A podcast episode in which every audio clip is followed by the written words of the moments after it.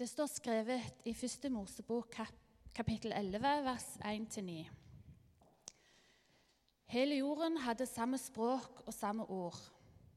Da de brøt opp fra øst, fant de en bred dal i landet Sinear og slo seg ned der.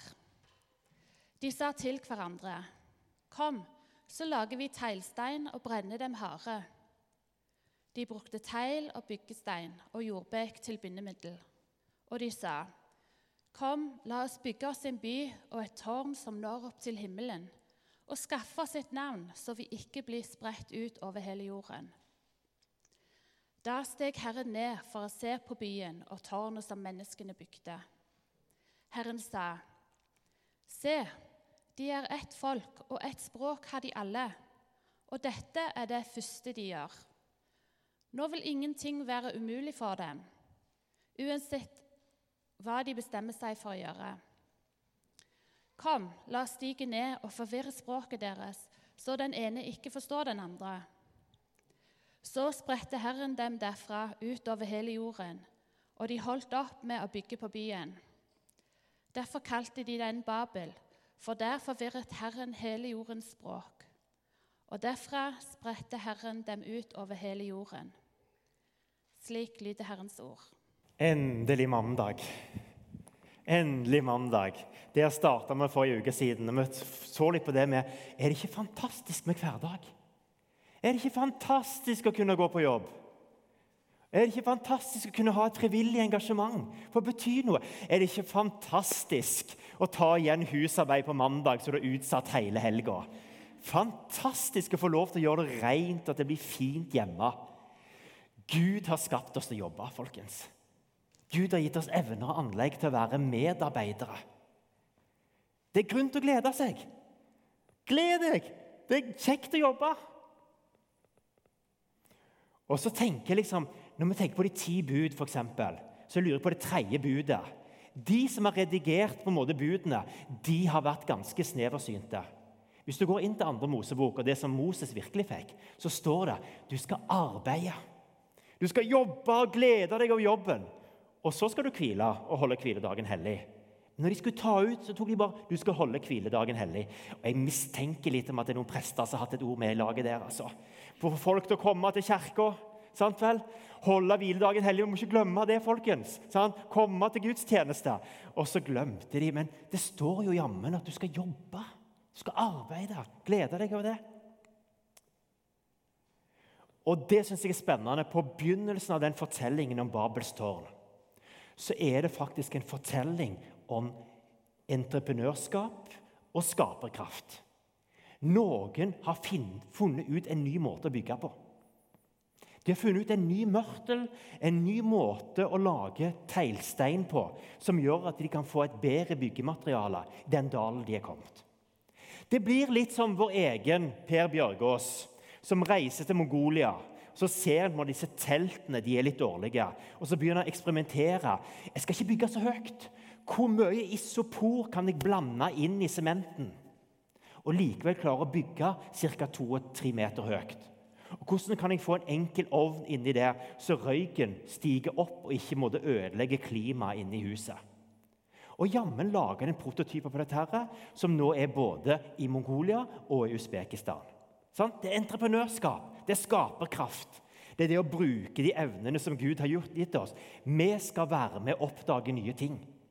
Og Derfor skal vi heie på oppfinnere og på de som er entreprenører og de som starter nye bedrifter. Det er fantastisk at vi får lov til å være med og videreutvikle alt det som Gud har skapt.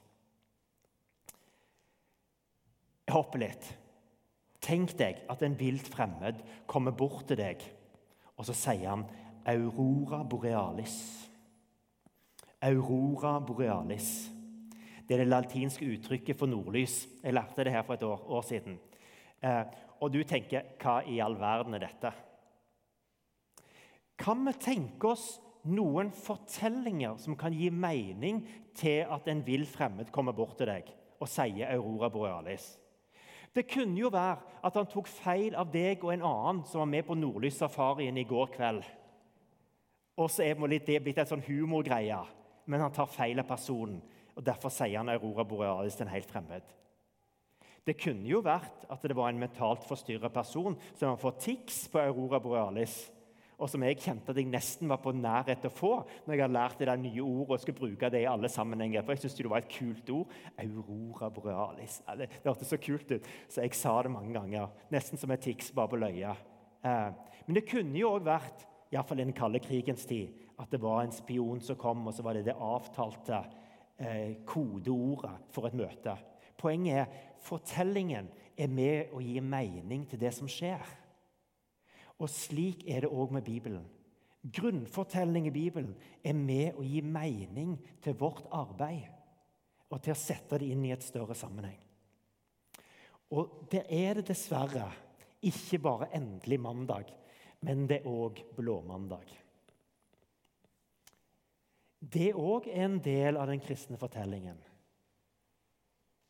Og syndefallet og fortellingen om at noe gikk galt, det gjør også at når vi spør hva var det som gikk galt med arbeidet, og hva er det som går galt med måten vi tenker om arbeid på i dag, kan Bibelen være aktuell òg i dag på noe av dette? Jeg tenker to ting i den teksten vi leste. For det ene det er litt der 'la oss skape oss et navn'. De vil bygge så høyt. De vil skape seg et navn.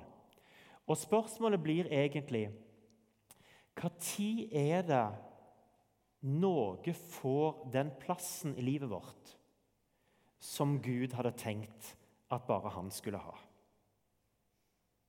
Når arbeidet blir meningen med livet med stor M, så mister det litt proporsjonene. Det som var tenkt som Guds plan, blir på en måte, det blir for stort. Og plutselig tar jobben vår for stor plass i livet vårt.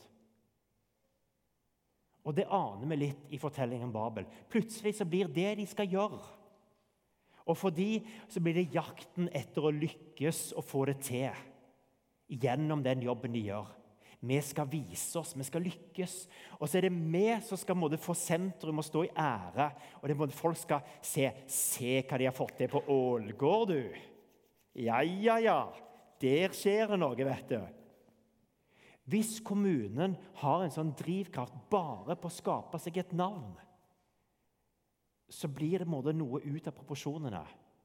Men i det skaperkraft og ønske om å skape velsignelse, skape noe godt rundt seg, og kanskje òg gleden over hva vi får til, så blir det arbeid i seg sjøl, og det at det betyr noe for mennesker rundt oss, som blir det som står i sentrum. Ikke at jeg skal få meg et navn og bli den måte, som gjorde dette. Herre. At jeg skal få på en, måte, en liten statuett ved siden av Ole Nilsen der nede. Det kunne jo vært bra for en sogneprest på Ålgård som har vært her i 18 år. Eh? Ikke noen skal foreslå det inn i valgkampen. Sånn? Så vi får på en måte litt kirke på dagsordenen. Ny kirke og så statue av, av, av, presten der nede. Det syns jeg hadde vært kult. Men igjen, da blir det en måte personen som står i fokus. Sant vel? Og Det er der måtte ting dras ut av proporsjoner. Den mest depressive boka å lese i Bibelen, hvis dere er virkelig på jakt i noe depressivt, så gå til Forkynneren. Det er fantastisk depressivt, dere. Og så kommer det en sånn refreng innimellom. Ja, også dette er jag etter vind. Jeg finner ingen mening i livet. Alt er jag etter vind. Alt, så, Alt er tomhet og jag etter vind. Å, fantastisk refreng. Så oppmuntrende på en mandag morgen. Og Av og til skal jeg føle det sånn på en mandag morgen, så kanskje det er godt å ha det av og til. Men poenget er at mellom linjene der så sier han noe Når jakten på lykkes blir hoveddrivkraften, så mister det proporsjonene.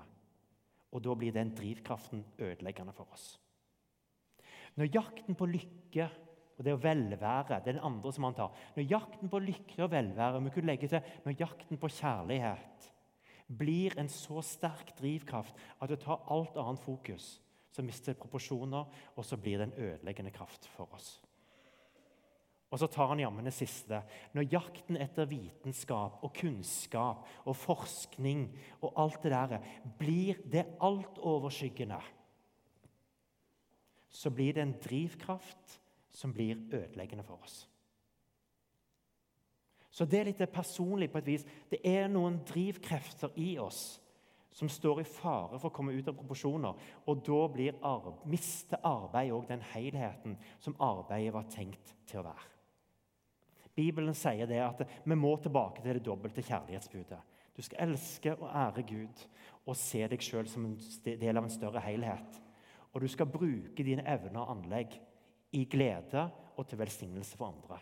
Mine ord på det dobbelte kjærlighetsbud. Og så er det sånn at Selv om jeg sier dette, så er det ikke bare å gå hjem og skrive to streker under svaret, og så har du hele meningen.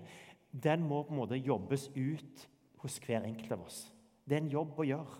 En refleksjon, en samtale med Gud, møte med livets oppturer og nedturer. Så er det en, på et vis det er noe vi blir medskapere i, å finne den meninga. Vi kan ikke bare ta det og sette to streker. Det, det, det, det holder ikke. Vi blir aktører i det. Men det andre problemet som oppstår i Babels tårn, det handler om det kollektive. Og det handler om at én by sier vi ønsker å være verdens sentrum. Og vi skaper et skille mellom oss og de andre. Vi glemmer at vi hører til en global verden. Vi glemmer at det henger sammen.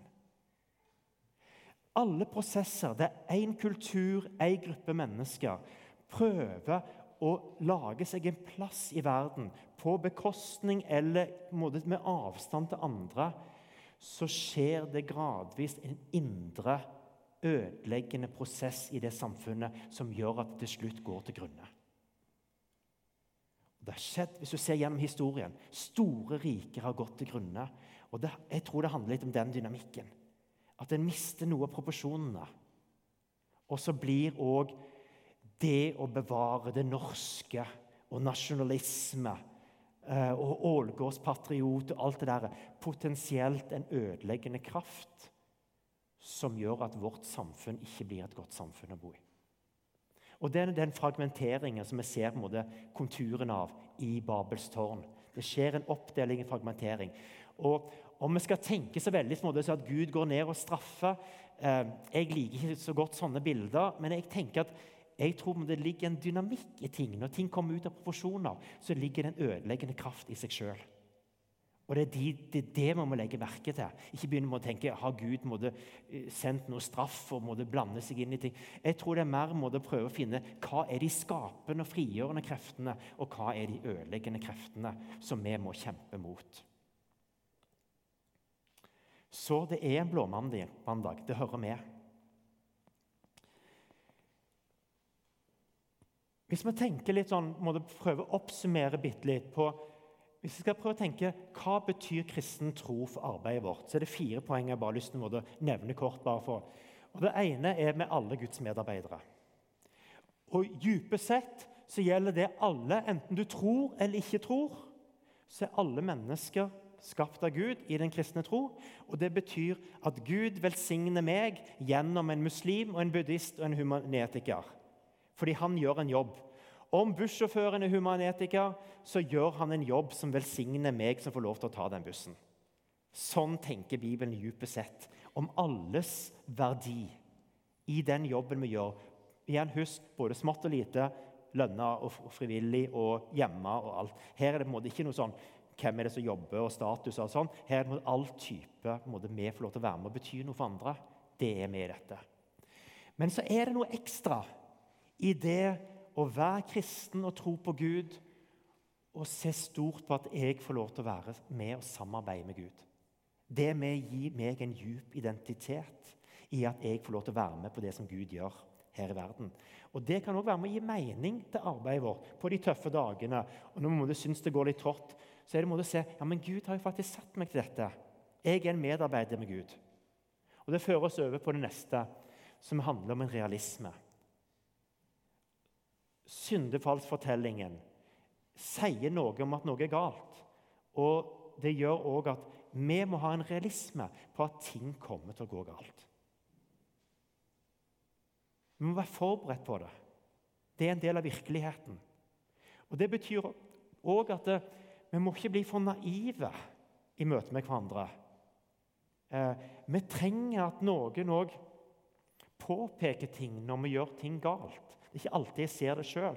Har noen blindsoner. Jeg vet at En av mine blindsoner er at jeg blir entusiastisk engasjert, men jeg blir pragmatiker. Jeg er ikke alltid god på de standardene. Og Jeg er så glad at jeg har noen i stab som sier litt stopp av og til. og sier, Oddbjørn, vil du virkelig gå på bekostning av Nei, jeg vil jo ikke det. Det var godt du sa noe. Fordi at vi trenger noen standarder. Og Det betyr sånn helt praktisk at vi skal ha politiattest for frivillige medarbeidere i kirka. Vi skal ha retningslinjer for forebygging og håndtering av seksuelle krenkelser. Og vi skal ha en realisme. Noe kommer til å gå galt i Ålgård menighet og i vårt kristne fellesskap. Og i våre relasjoner og på jobben. Og det er ting vi må ta tak i. Det er ting Vi må ta tak i. Vi kan ikke bare skygge over det. Det er virkelige ting. Vi skal ikke være naive. Det neste kommer ikke til å bruke mye tid på nå, men jeg har en liten drøm om at vi kanskje skal lage for Nå blir det to tema om jobb og arbeid dette, dette semesteret. Og så blir det konfirmantprestasjon om to uker, så da må vi gjøre noe, noe, vri. Men jeg har litt lyst til å lage en bibeltimeserie i november. For å gå litt mer inn i dette. her. For jeg synes Det har vært veldig spennende å lese litt om tro og jobb. Og jeg syns det skjer noe i verden på at kristne ønsker å være samfunnsbyggere. Eh, Herman Haugland har redigert en bok som heter 'Samfunnsbygger'. jeg synes Det er spennende å lese. Eh, det er ikke bare de kristne aktivitetene som handler om vår kristne tro, men det er hverdagen. Det er det, det, det, det rører seg. Og Der tror jeg at kristen tro er en ressurs, og Bibelen er en ressurs i forhold til å diskutere etikk og moral òg på arbeidsplassen vår.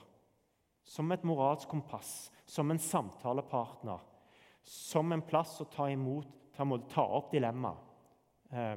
Og kanskje, kanskje for noen vil det være nyttig å tenke innenfor din faggruppe. Kanskje jeg skulle finne noen andre kristne av og til og diskutere hvilke dilemmaer står vi overfor på vår arbeidsplass. Det skjer i USA, det skjer litt i Oslo og Bergen, der noen kristne møtes innenfor samme profesjon. Og du har på en måte noen foreninger som har vært lenge, eh, der en møtes og diskuterer problemstillinger. Eller at en tar det opp i cellegrupper og smågrupper og sier vet du, jeg har et dilemma, jeg har et case fra jobben min. Kan dere være med å tenke litt rundt det caset i forhold til hva gir kristen tro av muligheter her, og hva er dilemmaene, og hva er noe vi må på en måte kompromisse med fordi at det nytter ikke å finne en ideell løsning. Jeg tror det er bra å snakke om de tingene. Og så trenger vi håp. Og Den kristne tro handler ikke bare om skapelse og syndefall, men det handler om at Jesus er kommet til verden for å gi håp. Og det betyr òg noe for jobben vår. Det kan nok bety en, en, endring for jobben vår. Sist gang så fortalte jeg en liten historie om Nikkel. En fortelling som Tolkien, han som skrev 'Ringenes herre', skrev når han fikk skrivesperre. og var helt, måte, Så skriver han med en maler som holder på et tre og han får bare til lite grann. Men så får han se et bilde av dette treet når han kommer til himmelen. Så det er kort fortalt. Men tenk dere det da inn i vårt Noen eksempler.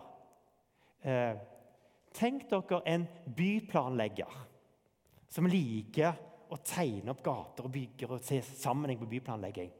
Som kan la seg inspirere av Bibelens fortelling om det nye Jerusalem. En by Bibelen avslutter med visjonen om en stor by. Kan en hente sånne fortellinger? Eller en anleggsgartner som måtte la seg inspirere av Gud som går i hagen og gleder seg?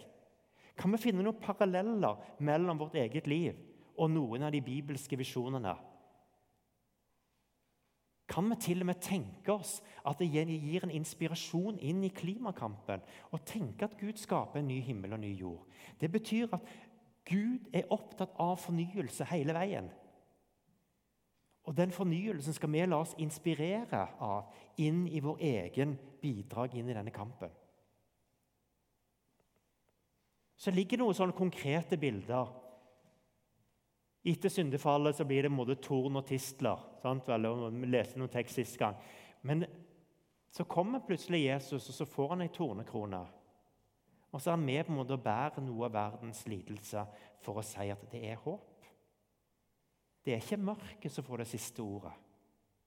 Lyset er kommet til verden, og, og mørket har ikke overvunnet det. Så hører vi om Kain og Abel, og Kain som dreper broren sin Abel og blir en sånn rastløs vandrer rundt i verden.